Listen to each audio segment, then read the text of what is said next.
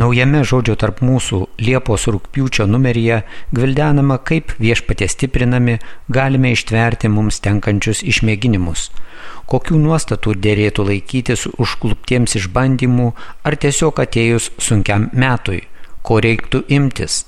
Ne vienas žmogus neišvengs išmėginimų, Tai gali būti paprasčiausi iššūkiai darbe, sunkumai šeimoje, pašlyjusi sveikata, nepritekliai, artimųjų netektys, avarijos, gamtos stichijų sukeltos nelaimės ar karai.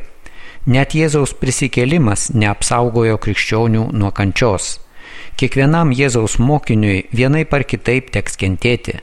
Tokia yra mūsų mokinystės kaina.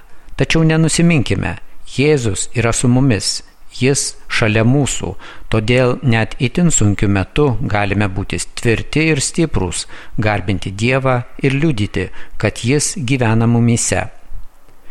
Žodžio tarp mūsų skaitytojams siūlomos kelios praktikos, padedančios ištverti išbandymus.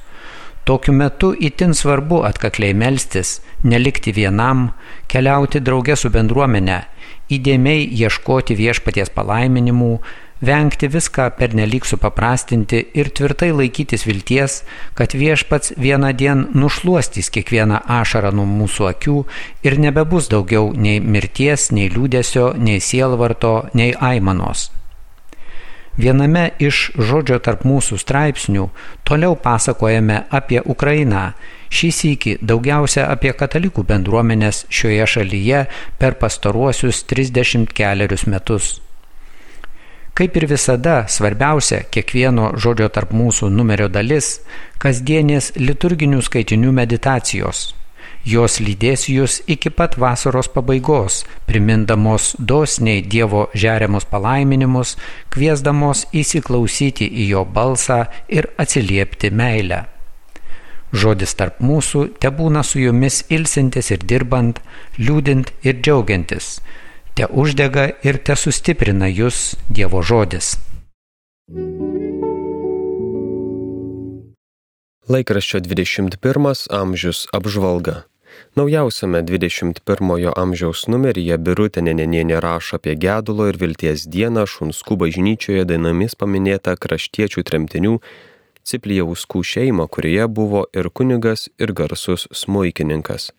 Regiono senasias liaudės ir tremtinių dainas atliko Šunskų folkloro ansamblis Žvirgždė ir Marijampolės vaikų jaunimo ansamblis Žolinukai. Kazimiras Sipienė džiaugiasi, kad Gargždų šventojo Arkangelo Mykolo bažnyčioje vieną penktadienio vakarą po pamaldų susirinkę žmonės galėjo pasiklausyti ypatingo sakralinio koncerto kantatos Stabat Mater.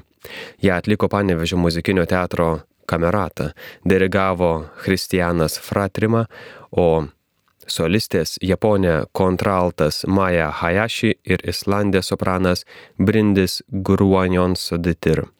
Mindaugas Buikas straipsnėje rašo apie tai, kad sovietmečių Lietuvoje kasmet gimdavo 50-60 tūkstančių vaikų ir jau buvo laukiama, kad netrukus dienos šviesą išvys 4 milijonai gyventojų.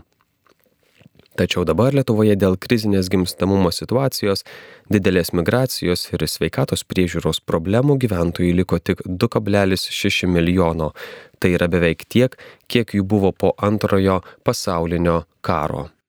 Kaip visada 21 amžiuje rasime keletą naujienų iš parapijų. Štai Palėvenės bažnyčioje iš įvairių Lietuvos vietų buvo susirinkę devini kunigai paminėti kunigystės 32 metų sukakties. Juos prieėmė šios bažnyčios klebonas kunigas Rimantas Gudelis. Kedainių Šventojo Jurgio bažnyčioje į klebono kunigo Artūro Stanevičiaus aukotas šventasias mišes buvo susirinkę pirmosios Kedainių rajono tarybos nariai, melstasi už jau mirusius rajonui vadovavusius žmonės, o Jurbarke lankėsi kardinolas Sigitas Tamkevičius. Jis dalyvavo kultūros namuose vykusiame Lietuvos katalikų bažnyčios kronikos minėjime, kur prisiminti šio krašto žmonės prisidėję ją platinant, bažnyčioje aukojo šventasias mišes. Laikraščio priede 21-ojo amžiaus horizontai spausdinamas Daivos Červokienės pokalbis su Europos parlamento nariu Broniu Ropė. Jis sakė, kad energijos kainos kyla ne dėl ES sankcijų taikomų Rusijai, o dėl to, kad kainas jau nuo praėjusios vasaros kelia pati Rusija, riboja jų tiekimą ir taip išbalansuoja energijos rinką. Pašnekovas teigia, kad bet kuriuo atveju pabėgėlių krizė netolimoje ateityje yra neišvengiama. Nereikia net ir karo ar kitų neramumų. Labai greitai turėsime klimato pabėgėlių antplūdį. Ir tai bus ne tūkstančiai, o milijonai žmonių bėgančių nuo sąlygų, kuriuose nebeįmanoma gyventi. Kalbėdamas apie padėtį Lietuvos kaime, Bronis Ropė sakė, panašu, kad vyriausybė nori panaikinti visas paslaugas regionuose, uždaryti ligoninės, mokyklas, nori suvaryti žmonės į didmeščius ir išvaryti į užsienius. Kalbomis demonstruojamas susirūpinimas regionų ateitimi, o darbais jie niekinami. Jau visiems aišku, kad jei nebus paslaugų, tai nebus ir gyventojų. Tad turime galvoti, kaip plėsti, o ne kaip naikinti paslaugas. Paklaustas apie nepasirinkusiems elektros tiekėjo vartotojams elektros energija bus pardavinėjama 25 procentais brangiau. Pasak europarlamentaro, tai yra manipulacija, nes 25 procentais brangs tik viena iš penkių ar daugiau sudėdamųjų dalių. Iš viso tas brangimas bus apie 10 procentų. Beje, laikraštyje šiuo klausimu pranešama, kad gyventojai naudojantys 1000-5000 kWh energijos per metus savo nepriklausomą elektros energijos teikėją dar gali rinktis iki birželio 26 dienos imtinai. Gyventojai per šią savaitę jį pasirinkę nuo Liepos 1 dienos galės gauti nepriklausomą tiekėjo paslaugas ir išvengti garantinio tiekimo, kuris nuo Liepos 1 dienos gali siekti 39 centus už kWh, o po valstybės taikomos kompensacijos, kuri padengs iki 9 centų už kWh, kaina gali būti 30 centų už kilovatvalandę.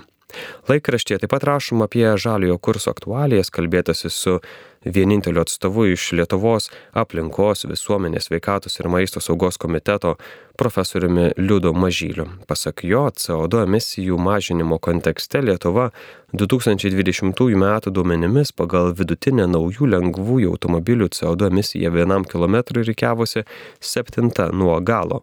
Pastebėjus, kad žaliojo kurso pasiūlymai nemažai Lietuvo žmonių daliai atrodo labai tolimi, mažai juos liečiantis, Liudas Mažylis ragino nepamiršti, kad prie anglės pėtsako mažinimo galime prisidėti kiekvienas jau dabar, įmantis atrodo elementarių žingsnių, pavyzdžiui, vartojant vietinius ir sezoninius produktus, perkant tik tai, kas reikalinga ir kiek bus suvartota, taip išvengiant beprasmių atliekų, apgalvotai planuojant savo keliavimą.